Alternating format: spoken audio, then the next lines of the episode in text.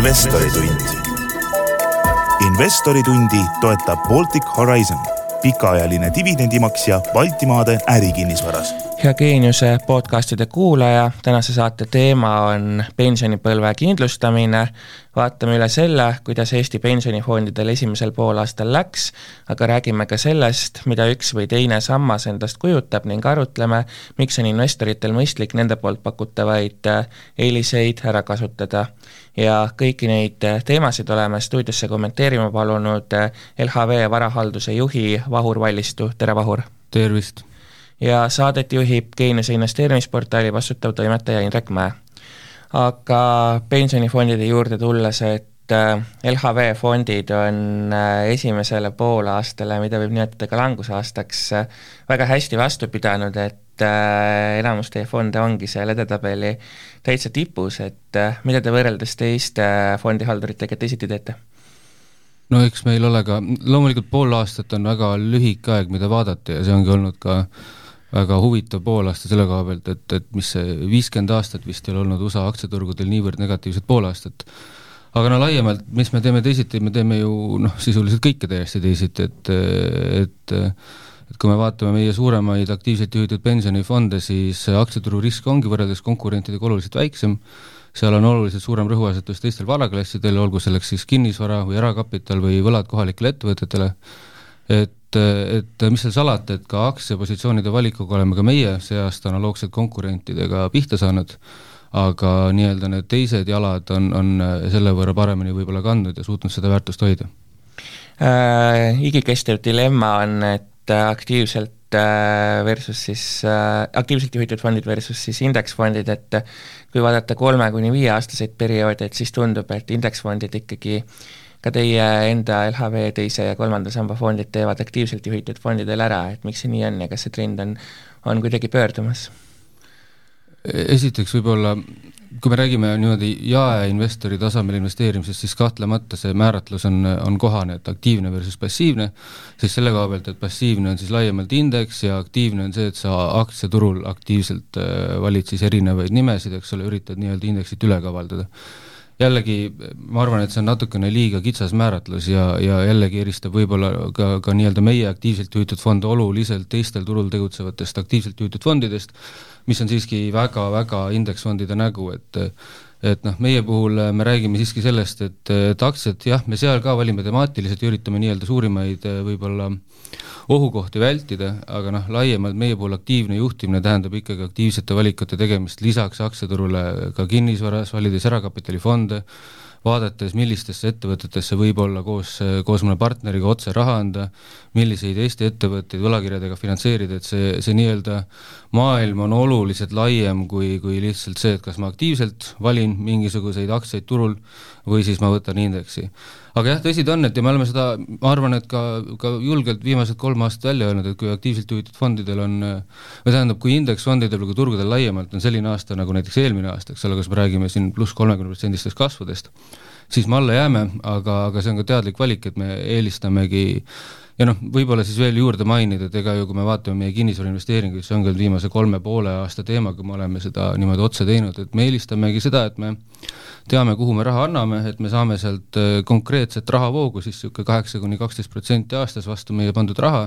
pluss siis on seal ka nii-öelda vara mingisugune nagu väärtuse liikumine, kui me räägime kinnisvarast, et noh, eks me aeg-ajalt äh, korra aastas vähemasti peame nagu seda vara ümber hindama, kas siis alla või üles, aga noh, põhiline rõhuasetus ja, ja mis see meie puhul aktiivselt juhtimine tähendabki, ongi see, et kas rahavoog on olemas, kas me saame sellest aru, kas see tuleb koju,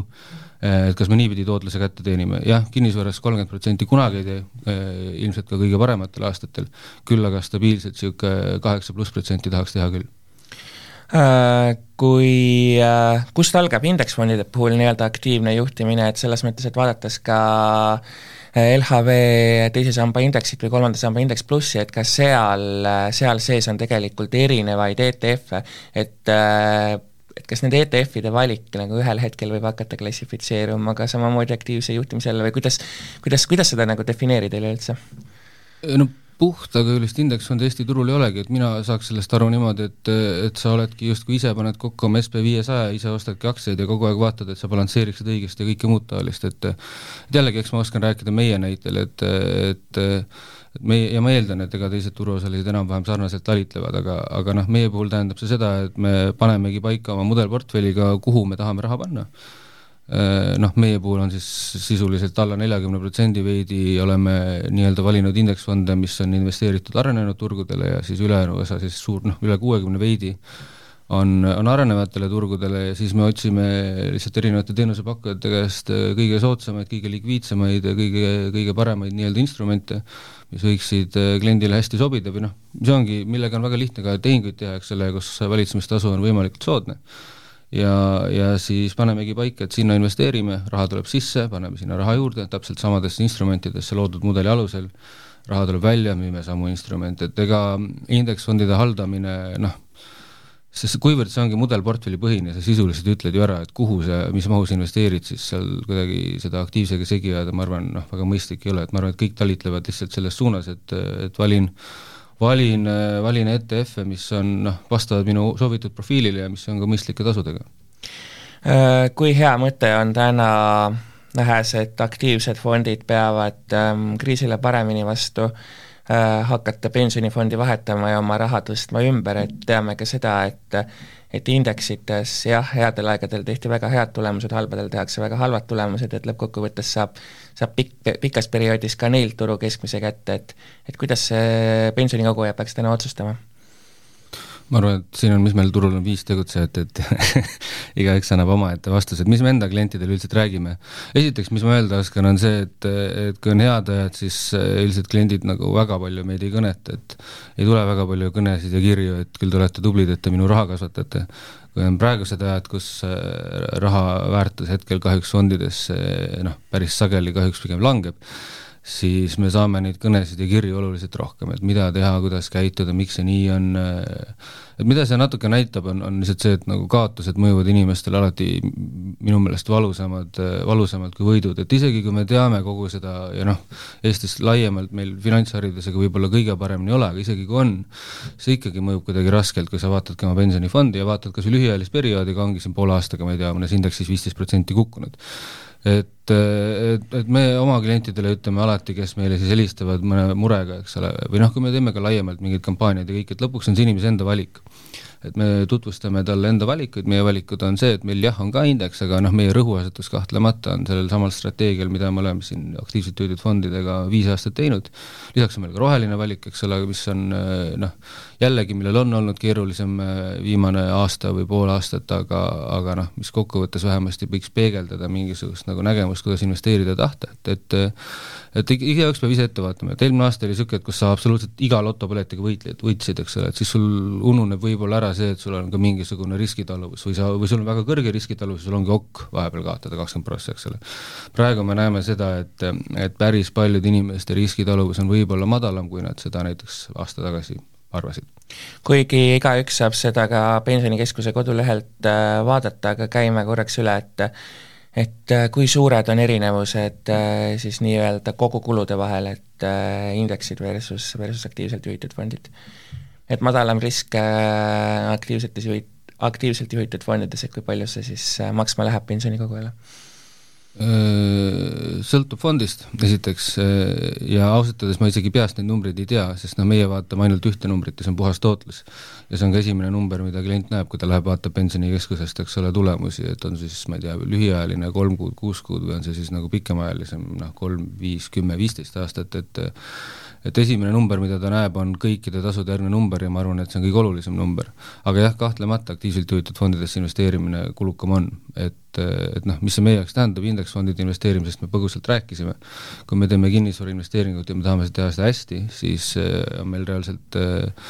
noh, mis me siis loomulikult me teeme läbi, kes on varasemalt mõnda kinnisvara või puutunud kokku näiteks äh, ma ei tea, büroohoone ostuga, teab, et see on niisugune omajagu keerukas protsess, kus lisaks lepingutele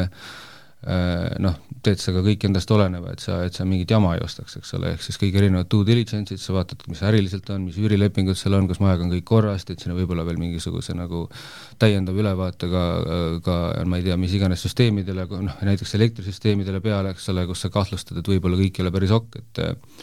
et kahtlemata see on veidi kulukam, milliseks see kulu täpselt kujuneb, noh, ma ütlen, see sõltub puhtalt sellest, et kui palju me selliseid investeeringuid mingil aastal teeme, eks ole, äh, kui ja kui edukad need on, aga noh, kokkuvõttes, kuidas meie seda näeme, on see, et jällegi me ei teeks mitte ühtegi investeeringut äh, kuskile kinnisvarasse või Eesti ettevõtte võlakirja või kuskile erakapitalifondi, kui me ei leiaks, et see ei võiks tulla, tuua meile kokkuvõttes sedasama nii-öelda puhast tootlust, mis on esimene number, mida inimene näeb pikemas perspektiivis äh, parema tootlusega tagasi, et, et ma ütlen, et et noh, kuidagi mulle, mulle isiklikult tundub, et see, et, et me räägime nagu nii-öelda LHV aktiivselt juhitud fondide lähenemisest ja kõrvutame seda indeksfondidega, et see ei ole päris õige, et et me ei ole siin mingit jalgratast leiutanud, me teeme sisuliselt sama, mida teevad Soome pensionifondid, Kanada pensionifondid, ma ei tea, Islandi, Taani, mis iganes riikide pensionifondid, USA pensionifondid, eks ole, on teinud seda juba aastakümneid või noh, aastakümneid on lühike aeg, et pigem oluliselt kauem, ja teinud edukalt ja just nimelt sama rõhuasetusega, et noh, kokkuvõttes investeerides erinevatesse varaklassidesse, sa natukene vähendad oma aktsiariski, või noh, oluliselt vähendad ja sa loodetavasti saad ka parema tootluse, sul on pikaajalisem raha, sa saad ka pikemaajaliselt seda investeerida. Äh, LHV paistab silma ka selle poolest, et äh, et teie indeksid on säilinud nii-öelda puhtal loomulikul kujul, et viimase aja trend on see, et teie konkurendid on hakanud ESG filtreid sinna, sinna järjest peale lisama ja tegelikult niisugust ESG filtrite lisamine on saanud äh, mingis mõttes üle maailma ka erinevat kriitikat või vähemalt USA finantsjärelevalves käivad äh, mitmed nii-öelda juurdlused, et äh, kuidas, äh, kuidas teile nagu tundub niisuguste ESG filtrite lisamine, et kas see nüüd ongi trend, kuidas see tootlust mõjutab ja nii edasi? ma väga loodan, et see ei ole trend. mitte sellepärast, et ma ei usuks sellesse, et ESG on oluline või et rohepööre on vajalik või et me peaksime oma jalajälge vähendama, vaid et vaid et nagu sa ise ütlesid, et siin ongi lihtsalt väga palju niisugust sildistamist ja kõike muud taolist, et mulle, mis mulle väga meeldib LHV-s ja mida me kahtlemata teeme ka ja tahame ka teha ja jätkata teha varahalduses, on see, et et alati sisu üle vormi, et et mulle endale tundub natukene silmakirjalik väita, et kuigi ma mitte midagi ei tee ja kuigi ma valin nagu selle kõige kitsama eeskõi määratluse, mis on noh, tänapäeval väga popp, on ju, oluline on saada justkui tempel peale, keegi teine mõõdab, mis see jalajälg on või kui palju kuhu investeeritakse, ja siis ma olen justkui oma töö ära teinud, et siis nagu ongi hästi, et, et, et, et LHV-s meile pigem meeldib võib-olla läheneda nii, et noh, et, et sa pead ise tegema midagi ka selleks, et midagi paremaks läheks, et lihtsalt nagu käed lahti lasta ja öelda, et tegelikult ma nüüd tegin maailma kuidagi nagu ilusamaks, kuna teised seda teevad, võib-olla teevad, ma ei kontrolli, kas nad seda teevad, aga ma valisin mingi instrumendi, mis on natukene kallim ja millel on mingi märgis küljes, noh see tundub mulle võib-olla, võib-olla mitte, mitte päris õige, et et jah, tõepoolest, meil on äh, aktiivselt juhitud fondides on nii-öelda ESG riskide kaardistus üks osa analüüsi ja, ja tehingute tegemise protsessist, ehk siis noh, me sinna midagi parata ei saa ja noh, see ongi väga õige, et me selles suunas liigume, et sa erinevaid parameetreid mõõdad, süsiniku jalajälge mõõdad, mõõdad, ma ei tea, noh, sotsiaalset vastutustundlikkust, kõike muud ka, eks ole, et see mõjutab paratamatult ettevõtete edasist äritegevust ja me võtame seda arvesse kui ärivõimaluse, ühe äririskina aga jah, me ei ole liikunud seda teed, et me nüüd kuskilt mm, suurelt välja reklaamime, et vot, et äh, aktiivselt juhitud fondides me nüüd oleme mingisuguse label'iga või mingisuguse märgisega nagu fond tänu sellele, et me nii-öelda igapäevast tööd hoolsalt teeme.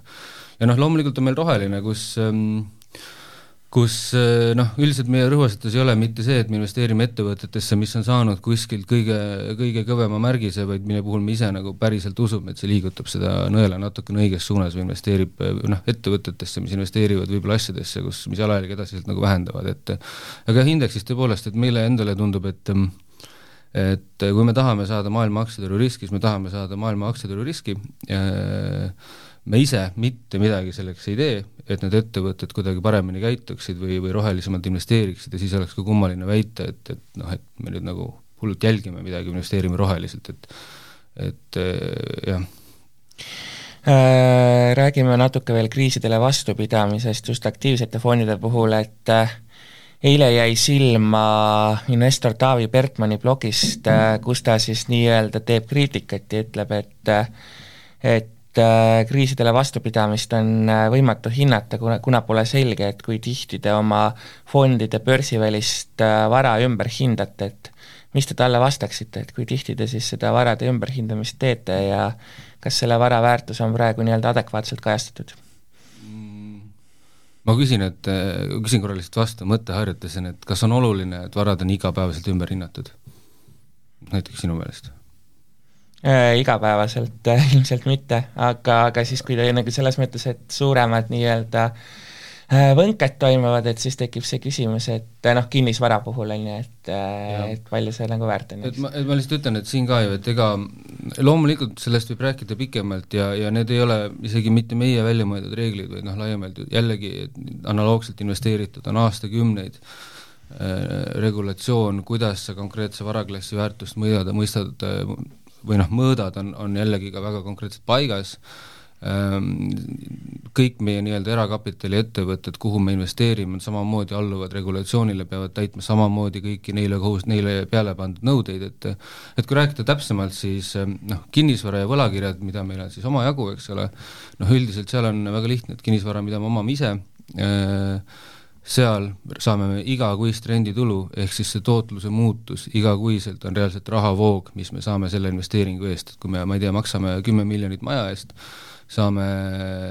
saame, eks ole, aastas näiteks, eks ole, miljon eurot renditulu, mis jaguneb siis kaheteist kuu vahel ära, noh siis on see kümme protsenti aastas, mis on väga konkreetselt siis iga kuu mingi summa, mille võrra kasvab selle investeeringu väärtus sinna lisandub siis see, et, et noh, kes on võtnud kodulaenu, eks ole, aeg-ajalt teab ise väga hästi, et kui sa teed mingeid uusi tehinguid või kui sa tahad veenduda, et sa oled õigesti kajastanud, siis sa teatud perioodi tagant hindad ka, ka nii-öelda üle oma selle konkreetse maja väärtuse vastavalt siis praegust turuhetke, et et kinnisvaras me teeme seda vähemalt korra aastas või kui me näeme, et on nii-öelda noh, konkreetselt mingeid nii tugevaid liikumisi, et tundub, et see praegune hind võib olla natuke paigast ära, nagu näiteks, eks ole, oli meil siin kaks aastat tagasi Covidi kriis, et noh, see oli see koht, kus kus väga raske oli hinnata, mis see mõju olema saab, aga noh, kindel oli see, et mingi mõju on ja kus sa pididki samamoodi, mitte jälle, et see ei ole meie majasisene hindamine, vaid majavälise hindajaga, sõltumatu hindajaga käima läbi selle, et mis ja kus palju väärt on, eks ole. kinnisvarafondid alluvad sarnastele põhimõtetele, kuhu me oleme ka raha pannud, erakapitalifondid samamoodi, et neid me hindame äh, Äh, minimaalselt korra kvartalis uuesti üle, aga jällegi nende nagu hindamismetoodika on täpselt samamoodi noh, välja töötatud konkreetsete põhimõtetega, et siin ei ole meil isegi kui me noh, siin ei ole meil võimalik mingit isetegevust teha, et jällegi, et et ma saan aru, et iga päev oleks parem, siis on kõik kogu aeg selge ees, aga, aga ma ei ole kindel, et kui me hindame iga päev oma kinnisvara ümber või iga nädal või iga kuu, et me, et me oleme oluliselt nagu targemas kohas, et meie jaoks nende investeeringute puhul on kõige tähtsam olla vastu rahavoogu, Äh, või siis olla, eks ole, erakapitalifondide näitel konkreetse mingisuguse manager'i juures, kes raporteerib meile, kuidas neil läheb rahavooga, ehk siis sa oled natuke lähemal, sa ei sõltugi nii palju sellest, mis parasjagu turgudel toimub või kas liikumised on kümme protsenti üles, kümme protsenti alla, vaid reaalselt, kuidas läheb ettevõtetel. et jah, iga päev ei mõõda, aga ma arvan, et või noh, kindlasti kohe piisava sagedusega, et siin nagu mingeid ebakõlasid üldiselt julgeks väita, et ei ole, et see on meie, lihtsalt jällegi meie jaoks kõige kriitilisem protsess meid, meid, mis meid puudutab, siis absoluutselt kõige sagedamini üle kontrollitav protsess ka meie regulaatori poolt, et et siiamaani oleme näidanud, et oleme võimelised hindama varasid küll. Mainisid äh, rahavoo olulisust, et äh, kuidas teie kõhutunne selle koha pealt äh, ütleb, et kinnisvaraturg pole veel justkui justkui pihta saanud, aga noh, inimeste makse või jah, inimeste nii-öelda maksevõime väheneb ja ja nii edasi, et, et kuidas te tunnetate, et kas üüritulu võib mingil hetkel pihta saada või on, või on mingid positiivsed trendid a la Ukraina põgenikud, kes kõiki elupindasid vajavad, meie kinnisvaraturgu jätkuvalt toetamas ja üüriäri nii-öelda pihta ei saa? jube keeruline öelda, me, ma oskan öelda seda, mis me praegu numbritest näeme, eks ole, et me ei ole enda varade puhul näinud, et et oleks siin, ma ei tea, maksevõlgnevust ja asju suurenenud, eks ole, sul Eesti Pank teeb statistikat aeg-ajalt, meie enda nii-öelda grupp aeg-ajalt koondab inimeste maksevõime statistikat, et et selles mõttes ongi kummaline, et, et ma olen loomult ka pigem võib-olla mõtlen, et noh, et kui olukord on selline, eks ole, kus sul räägitakse üha rohkem majanduslangusest või sul räägitakse noh, rekordilisest inflatsioonist, viimati vist Eestis kakskümmend kaks protsenti siin kuiselt, eks ole, äh, laiemalt on sul kuskil, eks ole, mingi sõda käimas, et noh, justkui kuidagi võiks öelda, et mingid ohumärgid on ja, ja äkki ühel hetkel nagu hakkab siin mingi võnge tulema ja noh, eks räägitakse üha enam ka, et võib-olla noh, sügisel näeme, detsembris näeme, uue aasta alguses näeme, eks ole, et seda kardetakse juba mõnda aega ja põhjusega, et et energiahindadega võib olla talvel väga keeruline edasi aga ma ütlen, me olemegi praegu siin ilusas juulikuus, inimesed puhkavad hetkel ei tundu, et hullu läks midagi ma väga loodan, et kolme kuu pärast samale küsimusele vastates saaks vastata samamoodi. pead anda ei julge, et, et, et natukene on ohumärgid õhus küll, aga jällegi noh, kinnisvaratehinguid vaadates hetkel nagu ei paista Teie oma strateegias mingeid muutusi teinud ei ole, a la vaba raha kogumas äh, või hoidmas selleks, et äh, soodsaid ostukohti kasutada või või vastupidi, mingeid investeeringuid äh, kokkukukkumise hirmus maha müümas või muud sellist? kinnisvarast rääkides, siis ma arvan, et seal on, ja see on ka, see on ka miski, mida meil siin ka mõned teised kinnisvaraettevõtjad on rääkinud, et eriti just ka fondid, eks ole, et, et noh, ülekaalukalt kõige olulisem, esiteks on loomulikult see, et kas vara on hea, on ju, kas ta on mõistlikus asukohas, kas seal on hea üürnik ja miks, kas ta vajab liiga palju või liiga vähe investeeringuid, aga aga see, et mis hinnaga sa sisened, et me oleme olnud ähm, viimasel paaril aastal sisenemishinna osas pigem konservatiivsed, ma arvan, et me oleme leidnud huvitavaid hooneid, kus me oleme saanud nii-öelda vara endale mõistliku hinnaga et, et kus on ka nii-öelda langusruumi, kus me oma üüritulu ikkagi ära teenime ja normaalset tootlust näitame, et ähm, et kas me oleme väga palju raha kogunud, ausalt öeldes ei ole, et kui me vaatame EL-i portfelli, et noh, ei saa, ei saa öelda, et me oleksime seal suure raha, no esiteks on ka see, et raha hoidmine fondivalitsusele üldiselt kulu, et, et seda väga ei taha teha, et pigem sa siis võib-olla hoiad seda likviidsetes võlakirjades, mida kiiresti müüa aga ei, me ei ole meeletult raha kogunud, aga loomulikult me alati teatud paindlikkust nagu proovime hoida, me ei ole ka mingit võimendust siiani kasutanud, eks ole, et, et et noh, üldiselt äh,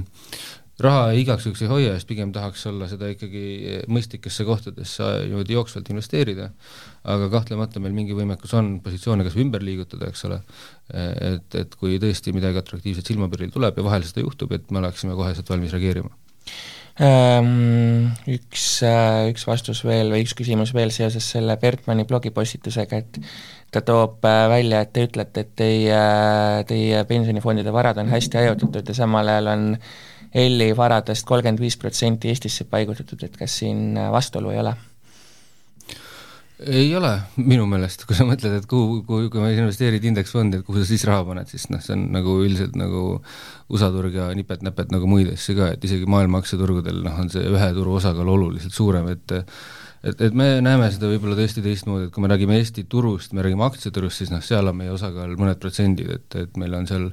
mõnes nii-öelda suuremas ettevõttes, mis rahavoogu ja dividende maksavad, on meil jätkuvalt positsioonid, aga noh, Eesti, Eesti Eesti positsioonid on ül-, eelkõige ikkagi seotud väga konkreetselt ju varadega, kus me omame suhteliselt head ülevaadet ja kontrolli selle üle, et mis seal toimub, et seesama kinnisvara, seesama võlakirjad, noh, nii-öelda ettevõtjatele, ettevõtetele, keda me hästi tunneme, et ja kes ei tegutse kõik samas sektoris, ei ole kõik kinnisvaras, eks ole, et et meil on seal, ma ei tea, pärke, päikeseparkide rajajaid, eks ole, meediaettevõtteid, et seal on ähm, täitsa, täitsa põnevaid Eesti ettevõtteid, mis nagu, mida me oleme rahastanud, mis ma arvan, et ühest küljest toetavad ka Eesti majandust, ja, ja, ja teisest noh, ja loodetavasti seeläbi, eks ole, maksavad siis palka ja, ja, ja, ja, ja võimaldavad ühel hetkel ka nagu siin nagu täiendavaid investeeringuid teha, aga noh, kokkuvõttes ma ei näe, et see oleks, et see oleks miski, mida saaks nagu eraldi esile tuua, et ma pigem võib-olla küsiks vastu, et noh, kogu see, et ma saan aru, kust see tuleb, eks ole, et me räägime siin sellest, et indeksfond on nagu äärmiselt hea mõte, eks ole, et hajutatud investeering ja kõike muud taolist, et et ja just seetõttu, et see investeerib justkui siin noh, ma ei tea, SB viiesaja puhul enam kui viitsajasse ettevõttesse. aga jällegi, kui me mõtleme nagu praeguse olukorra peale või, või mõtleme korra hüpoteetiliselt, et oletame, et sul on, ma ei tea, turul on sada investorit ja nad on kõik sada protsenti investeeritud indeksfondidesse, siis ei ole enam küsimus selles, kuidas nendel ettevõtetel seal indeksfondides läheb, vaid küsimus on selles, et milline on nõudlus ja milline on pakkumine nendele indeksfondidele, et kui nüüd nendest sajast investorist kümme ütlevad, nad lähevad turult ära, ostjaid vastu ei ole, siis me räägime sellest, et vahet ei ole, kui hästi läheb alumistel ettevõtetel, sellegipoolest, sellegipoolest see indeks nagu noh, oma väärtust kaotab, eks ole, sul on lihtsalt müügisurve. Ja mulle tundub, et me natukene seal juba oleme, et et, et mis siin aasta alguses me jõudsime kohta kus, kus viiskümmend protsenti maailma nii-öelda rahast on investeeritud läbi indeksit, noh, see tähendab seda, et see ei ole enam nagu noh, et, et sa ei investeeri enam nendesse viitesada viitesse ettevõttesse vaid viiskümmend protsenti rahast ongi investeeritud tootesse, mis on mingi konkreetse turu vastu indeks, ehk siis noh, laiemalt USA turg, usud, ei usu. See on, ma ütleks, et see on nagu hetkel noh, juba väga keeruline rääkida indeksist kui mingist väga heast hajutatud instrumendist, sest otse temaga läbi ETF-ide kaubeldakse nii palju, et, et ma ei ole küll sugugi kindel, et see kuidagi, noh, ma, ma olen ise ka seda arvamusartiklit lugenud ja ja ma ei saa küll öelda, et ma nõustuksin selle väitega, et, et, et meil on see hajutatus kuidagi nigelam või et läbi erinevate riskiklasside on seda raskem teha, et noh, mulle endale alati meeldib mõelda ka niipidi, et et loomulikult indeksfond, kui sa alustad investeerimisega, sa oled niisugune uus hea investor, eks ole, sa tahad alustada väikeste summadega, et võib-olla ei tasu teha esimese, ma ei tea, nelja tehingut valides kuskilt, noh, USA turult kaks, Eesti turult üks ja võib-olla kuskilt veel üks aktsia, et tõepoolest ei ole võib-olla mõistlik, et alusta võimalikult mugava instrumendiga, Äh, hakka midagi koguma ja nii edasi, aga noh, kui me vaatame ka meie enda turul toimetavaid niisuguseid äh, tugevamaid investoreid või kui me räägime, ma ei tea, mis investeerimisfestivali räägitakse, esimene küsimus on alati see, et aga kuidas sina oled investeerinud või millest sinu portfell koosneb. siis mitte keegi ei räägi sellest, et mul on, ma ei tea, ütleme mis iganes, miljoni euro suurune portfell, see on kõik SB viiesaja indeksis, see on alati indekseid, ma ei tea, kolmandik, natukene ühisrahastust, natuke kinnisvara, sageli päris palju kinnisvara, et mulle jubedalt meenutab see ausalt öeldes meie L-portfelli, aga, aga noh, see ongi juba see, et kui sul on juba võimekust investeerida natukene laiemalt, et enamik, enamik inimeste jaoks kahtlemata alustada on indeksitega mõistlik. aga jällegi, kui me räägime pensionifondist, mis koondab päris suure hulga raha ja kus on võimalik inimesel väga soodsalt hajutada, siis just nagu erinevate varaklasside vahel, mis on miski, mida me kõik nagu sageli siiski teeme, siis ma ei näe, et see, et see oleks ilmtingimata halvem, sest mulle tundub, et see on tegelikult miski, mida ka, ka väga paljud jõukamad Eesti inimesed, kes investeerimisega tegelevad, sageli teevad. Äh, tegelikult tõstatasite ise ühe väga huvitava küsimuse, et äh, kuhu siis äh, teie isiklikult olete investeerinud või millest teie portfell koosneb um,? Mul on natukene seesama, et äh, nipet-näpet igalt poolt, sest nii on põnevam noh, et loomulikult ma ei, ma ei saa öelda, et ma oleksin nüüd siin äh, kakskümmend protsenti krüptos või mida iganes, aga mulle meeldib nagu, mulle kuidagi, ja et mul oleks seal hästi läinud, seda ka kindlasti ei ole, ma olen pigem nagu kõikide põnevate asjadega alati hiljaks jäänud ja natuke raha kaotanud, aga aga no mitte alati, aga, aga noh, ütleme niimoodi, et viimase poole aasta jooksul on teisiti olnud keeruline aga pigem, et siis saab nagu veidi paremini aru, mis selles maailmas toimub ja, ja kuidas need asjad nagu töötavad, et eks mul ole kõik, et enamus kind kahtlemata on ähm, on äh, mingisugused tuumik- ja üksikpositsioonid, mis on sageli sarnased, kui on ka LHV pensionifondidel. on ka indekseid, äh, jällegi lihtsalt seetõttu, et ma arvan, et mingis tervikuna ka seda tururiski võtta on ausalt öeldes väga mõistlik nii-öelda üürikinnisvara ei ole äh,, on pigem on läinud see kõik nii-öelda isiklikku kinnisvarasse, mida investeeringuna üldjoontes käsitleda ei tohiks, ma ise vähemalt ei käsitle, ma pigem näen, et see on igakuine kulu. et üldiselt on kõik ikkagi likviidsed instrumendid, noh kui saab muidugi mingid äh, noh, ühisrahastuse asju ilmtingimata likviidseks lugeda, et seal sageli äh, mingitest summadest alates on tehinguid teha juba keeruline, et äh, ühesõnaga nipet-näpet, mida me ei ole teinud lihtsalt seetõttu, et, et, et nii varasemalt ettevõtete laenudega kuskil kunagi teises pangas töötades kui ka, kui ka praegu aeg-ajalt ikkagi Eesti turu ettevõtjatega kokku puutudes, et ma ei ole investeerinud Eesti turule, ehk siis küsida, et kas Tallinna Sadam või miski on hea, ma pigem jätan siinkohal kõik need vastused andmata, sest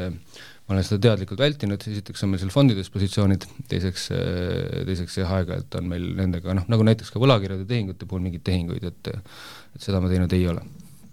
miks äh, kuld täna on hea investeering või vastupidi, ei ole hea investeering? Kuld on ajalooliselt jällegi liikunud inflatsiooniga siis äh,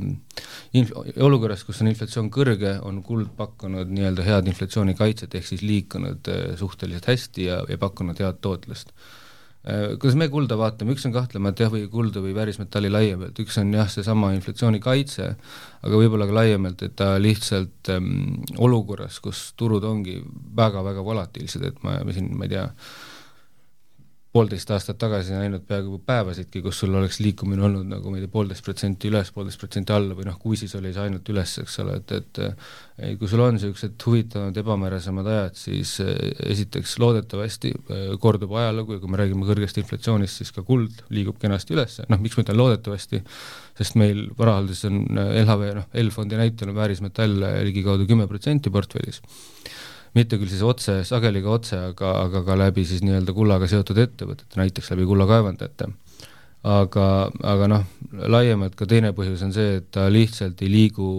ta pakub natukene teistsugust korrelatsiooni või natuke teistsugust liikumist kui aktsiaturud, ehk siis ta on natuke niisugune kindlustuspoliis samamoodi et kui turgudel läheb halvasti, siis sageli otsitakse nii-öelda turvasadamaid, kui turgudel läheb väga hästi, siis kuld sageli väga hästi ei tööta, et ta natukene jällegi pehmendab liikumisi ja võimaldab meil siis noh, sõltumata oludest loodetavasti ikkagi klientide vara hoida või kasvatada äh,.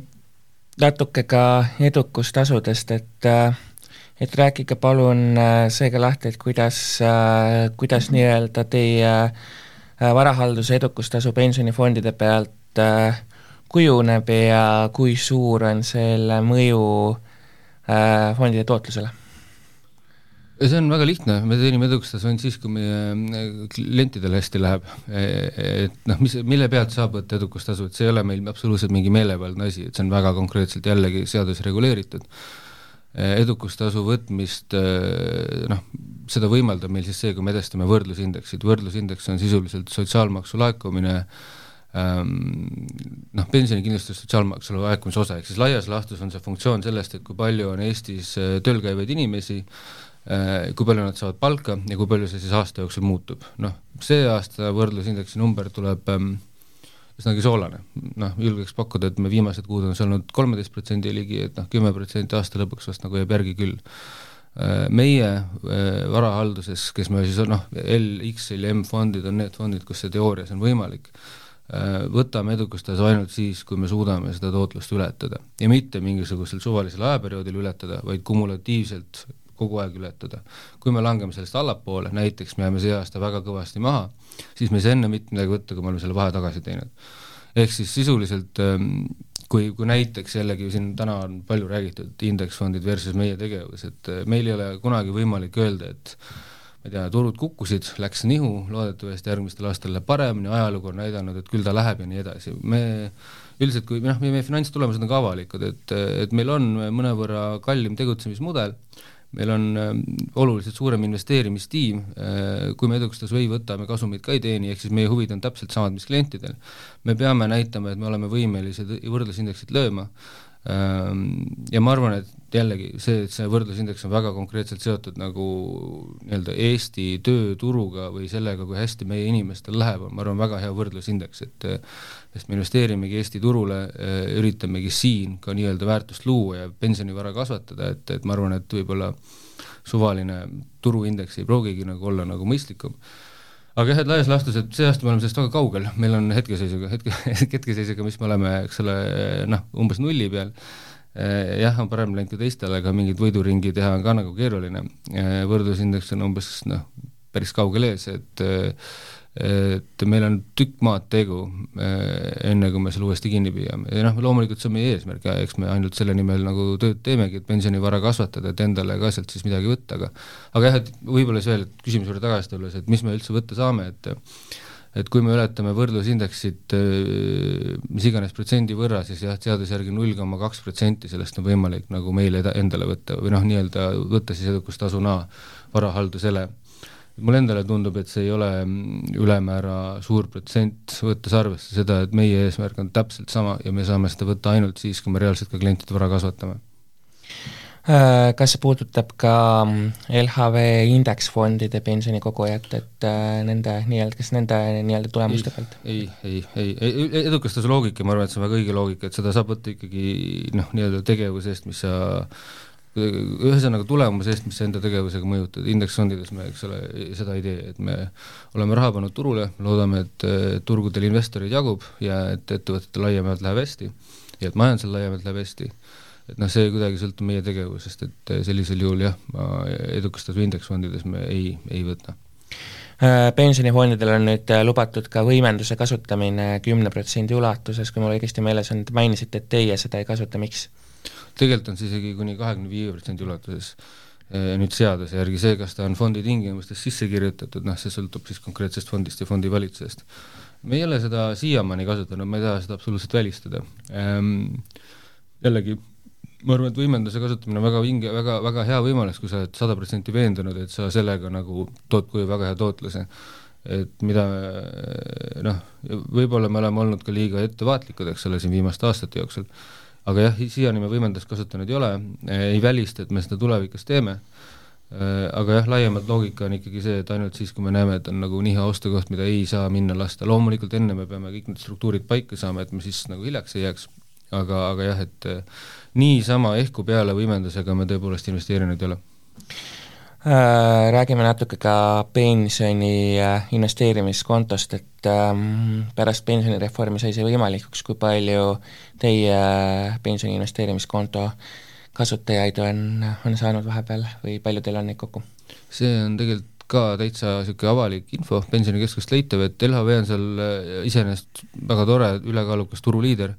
aga jah, kahjuks see nii-öelda väga populaarseks siiani osutunud ei ole, et see jutt, et võtan raha välja ja hakkan äh, investeerima siis, või mitte ei võta raha välja, aga et mulle ei meeldi fondid ja ma tahan kindlasti ise investeerida, et seda on äh, kasutatud siiani suhteliselt vähe, et kui ma nüüd õigesti peast mäletan, siis LHV-l on hetkeseisuga veidi üle kolme tuhande neljasaja aktiivne, aktiivse pensioni investeerimisfondi klienti, see on äh, seda on kordades rohkem, ma arvan, mingi viis korda rohkem kui, kui järgneval turu oli, turutegutsejal vist, kelleks oli äkki Swedbank. võib-olla natuke eksin numbritega, ma arvan, et mitte palju. ja, ja noh, ühesõnaga ei ole osutunud väga populaarseks, natukene on seda tehtud, aga, aga jah, et see on ka ütleme nii, et algus võib-olla läks kiiremini minema, aga, aga viimastel kuudel tükk aega äh, oli meil ka täitsa avalikult see info väljas, eks ole, seal LHV, LHV artiklite alt leitav, kui sa meie seda portaali külastad, et et kuidas siis läinud on ja mis on populaarsemad investeeringud, et et noh, mida me nägime, on, on, on natukene seesama, et, et võib-olla veidi liialt palju mindi nende kõige popimate nimedega kaasa ja noh, mõned, mis seal meil top viies oli, ma ei tea, Eeter ja ja Nasdaq ja Bitcoin oli ka äkki kaheksas-üheksas vahepeal, et et noh, need nagu said omajagu pihta, et see, et noh, pärast seda mulle tundub, on natukene see entusiasm raugenud. ehk siis äh, PIK-i kaudu raha paigutavad investorid äh, pole olnud fondidest edukamad laias laastus? viimane seis oli aprilli lõpp, siis võis nii väita küll, aga noh, jällegi see on nagu ikka, et alati on er-, erandeid, et et eks me, kui investeerimise kippunud oleme, et meil portfellihaldurid räägivad ka seda kõikvõimalikel seminaridel, et, et päris suur osa iseinvesteerijatest noh, enamik iseinvesteerijatest ikkagi sageli liiga hästi ei toimeta, aga eks me kuuleme ainult nendest, kes väga hästi sellega hakkama saavad, et see top kümme protsenti, kes on äh, toimetanud suurepäraselt, on tavaliselt need, kes nagu kõlapinda saavad et ma arvan, et PIK-is on samamoodi või pensioni investeerimiskontos, et ma küll detaile ei tea, aga, aga, aga noh, et seal on kindlasti neid, kes on äh, väga hästi hakkama saanud, kes on teinud suurepäraseid rahapaigutusi ja, ja kes on, ma ei tea, viis korda rohkem, või noh, võib-olla loodetavasti mitte nii palju, noh, võib-olla nüüd küll, see nüüd ei ole keeruline, sa pead lihtsalt plussi tegema, aga, aga noh, kellel on olnud parem tootlus kui mis tahes pensionifondil, aga jah, et viimati aprilli lõpu seisuga see keskmine pilt oli, oli ikkagi see, et jäädi päris palju alla, enam kui viis protsenti nii-öelda keskmisele pensionifondile hiljuti Tallinna börsi juht Kaarel Ots ütles siinsamas stuudios, et äh, Tallinna börsil on sada tuhat investorit äh, koos, kellel on vähemalt üks väärtpaber kontol, et kas selle taustal võib öelda, et äh, et samas see pensionireform on ikkagi mingis mõttes investeerimishuvi juurde toonud või on, või on äh, investeerimishuvi kasv seotud hoopis millegi muuga või kuidas teie seda, seda, seda suurt nii-öelda plahvatuslikku kasvu, et mille arvele te selle paneksite? mulle tundub, et see suur investeerimishuvi kasv oli viimase siin, alates koroonakriisist vist ülemaailmne. et see ei piirdunud ainult Eestiga, et see, seda me nägime kõikidel noh, kõiki turge ei tea, kõiki turge ei jälgi, aga aga suurematel turgudel absoluutselt igal pool, et et olgu selleks eh, noh, laiemalt seesama investeerimishuvi on ju nii USA turul, eh, Inglismaa turul, samamoodi seal raha kaasamine, IPO-de arv, SPAC-ide populaarsus, eh, meemiaktsiad, NFT-d, et noh, krüpto, eks ole, meeletu tõus, et, et seda investeerimishuvi me nägime kõikjal, raha oli üle, koroona pani tegevustele teatud piirangud, noh, kuhu seda ikka paigutada, on ju, tegelikult investeerimine on hästi põnev ka. Et, et selles mõttes ma arvan, et koroona andis võib-olla suurema tõuke ja kahtlemata ka keskpankade rahatrükk ja, ja erinevad toetusmeetmed. Äh, aga noh, kokkuvõttes ma arvan, on, on, on, on, on pensionireformil kahtlemata ka olnud võib-olla väike oma mõju, vähemasti ta on kindlasti positiivne mõju, sest vähemasti on ta on ta, ma arvan, suurendanud teadlikkust ka teisest ja kolmandast sambast, noh, seda on väga hästi näha kolmandate samba klientide arvust, et et LHV näitel me oleme siin kahe aastaga enam kui seitsmekordistanud oma kliendibaasi, et noh, see on, see on täiesti meeletu kasv, et okei okay,, me ei olnud enne ka nagu väga edukad selles kolmanda samba propageerimises, aga noh, see, et, et seda võimalust on aina rohkem kasutatud, on väga-väga tore. Et ähm, noh, ühesõnaga jah, ma arvan, et, et, et see on väga tore, et ka Eestis on see in-, investoreid juurde tulnud, et säästetakse rohkem, et investeeritakse rohkem, et proovitakse rohkem, see on ainult positiivne. Ähm, pensionireformil võib-olla väike hariduslik mõju, ma julgeks seda üle tähtsustada. ja viimaks, äh, kui nüüd äh, püüda kõike kokku võtta ja pensionikogujale võib-olla mingisugust äh, nõu anda, et kui ta vaatab täna turgudel toimuvat, muretseb oma pensionipõlve pärast, et et siis mis on see põhiline, mille alusel ta peaks oma oma fondi, fondi valiku otsused tegema, et on see riskitase, on see juhtimisstrateegia, on need kulud või midagi hoopis muud? nagu iga investeerimisotsusega ma arvan, et kõigepealt tulebki natuke ise ringi vaadata, natuke ise õppida, noh üldiselt soovitatakse mitte investeerida sinna, millest sa hästi aru ei saa, või siis investeerida vastupidi sinna, millesse sa usud, eks ole. Ja jällegi noh, ausalt hinnata ka oma riskitaset, et et ma, ma, ma noh, loomulikult siin LHV varahalduse esindajana ma tahan öelda seda, et varahaldusel on erinevaid, eks ole, pakkumisi ja, ja erinevaid pensionifonde, mille vahelt valida, aga aga, aga noh, kokkuvõttes ma arvan, et iga inimene peab selle valiku ise tegema, peab rahulikult nagu korra võib-olla süvenema, vaatama, mis talle sümpatiseerib eh,, miks see talle sümpatiseerib ja siis selle järgi otsuse tegema, et et aga noh, laiemalt ma arvan, kui me räägime siin pensionipõlvest ja kõigeks muuks, kõigest muust ja kuidas selleks valmistuda, noh siis äh, siis äh, mis iganes, olgu selleks siis teine sammas või kolmas sammas või, või turgudel toimuv või IPO-del nagu suur hulk, et, et mida, mida rohkem me mõistame seda, et tegelikult nagu noh, investeerimine on vajalik selleks, et tulevikus või siis, või siis kas või, kas või ma ei tea, kümne aasta pärast paremini hakkama saada, eks ole, või endale rohkem lubada ja et ähm, säästmine on väga oluline osa investeerimise võimaldamisest, et, et noh, mida, mida paremini me sellest aru saame, mis iganes impulsi nagu nael, seda, seda parem on. Ja noh, teine ja kolmas sammas, eriti nüüd, kui nad on ka sisuliselt vabatahtlikud, on, on, on lihtsalt väga maksuefektiivne viis, et ma arvan, et siin on absoluutselt kõik turuosalised või ka laiemalt mitte pensionifondidega seotud, aga muidu investeerimist jälgivad ja, ja sellega tegelevad inimesed ühel nõul, et ega sul nagu vahet ei ole, mis fondi sa valid, kolmandas või teises sambas on see kõige maksuefektiivsem viis pikaajalist investeerida, et et lihtsalt äh, teha tarku valikuid ja natukene uurida ja investeerida ja säästa ja mõelda tuleviku peale ja mitte elada võlgades ja ma arvan, et need on need kõige tähtsamad asjad ja sambad aitavad kaasa, aga, aga, aga kindlasti ainult neist ei piisa. tegelikult, kui te juba mainisite teise ja kolmanda samba maksuefektiivsust, et käime hästi kiiresti siis ikkagi selle teemaga üle, et kui keegi veel, veel kursis ei ole, et et palun seletage lahti siis teise samba kaks pluss neli ja kolmanda samba tulumaksusoodustus. Ok, ma alustan kolmandast sambast, see on võib-olla kõige lihtsam, et eh, et ühesõnaga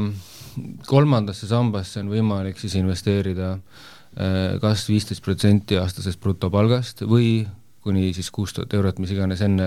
kumb enne piir see nagu siis ette tuleb, eks ole, siis viisil, et, et kui sa paned nii-öelda palgana kätte saada või mis iganes viisi, noh, üldiselt jah, palgana kätte saada, sest muidu sa tulumaksu tagasi ei saa Äh, rahast kolmandasse sambasse, siis kogu sellest summast saad sa kakskümmend protsenti tulumaksuna tagasi. ehk nagu garanteeritud tootlus sisuliselt? sisuliselt jah, sa nagu noh, no ütleme niimoodi, et äh, iga aasta siis teatud osana, eks ole, järgmine aasta ta ei ole akumuleeriv, et sa iga aasta ei saa seda kahtekümmet protsenti, aga iga sissemakse pealt sa teenid kohe kakskümmend protsenti, et et kui sa lihtsalt teedki niisuguse numbrilise võrdluse, et äh, et kui ma ei tea, mina panen kolmandasse sambasse viissada eurot, eks ole, äh, sina paned niisama kuskile näiteks noh, mis iganes instrumenti viissada eurot, siis mina saan sada tagasi, ma olen reaalselt neljasajast teinud viissada mitte midagi tehes ja sealt edasi me oleme nagu sama punkti peal, eks, eks ma olen juba nagu sada eurot nagu säästnud, sellega ma siis loodetavasti saan täiendavalt investeerida, ma olen juba investeerinud kuussada, sina viissada ja siis sealt edasi on mul juba nagu väike nagu eelis, on ju, noh. aga klausliga, et sa ei tohi seda enne viiekümne viiendat eluaastat välja võtta? klausliga, et äh, nüüd anda, kui sa nüüd liitud, siis äh, eeldatav pensioniiga miinus viis aastat.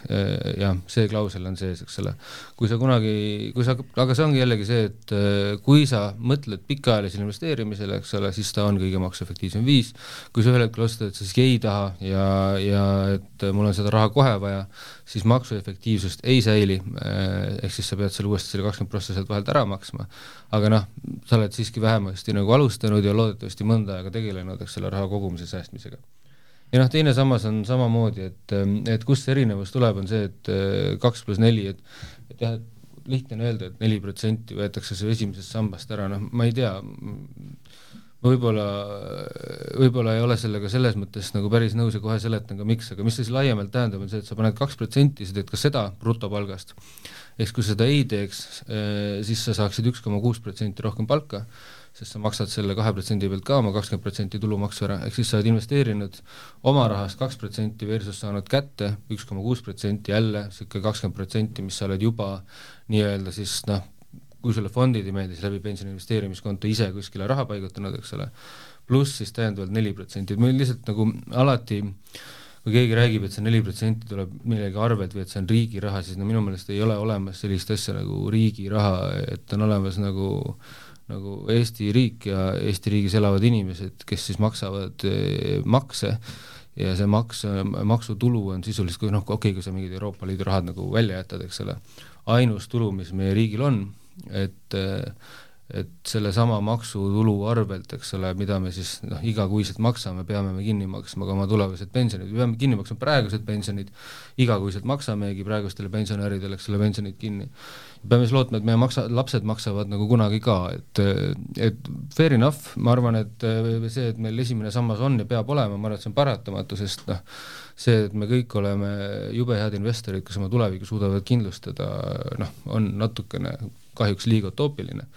aga noh, kui ma lihtsalt mõtlen enda puhul, et kas ma pigem tahan loota selle peale, et, et riik mulle kunagi leiab maksumaksjaid, kes mulle pensionit maksavad, või ma olen ise suutnud midagi kõrvale panna, noh siis mina eelistan seda teist varianti. aga jällegi, see on mingis mõttes maitse asi ja,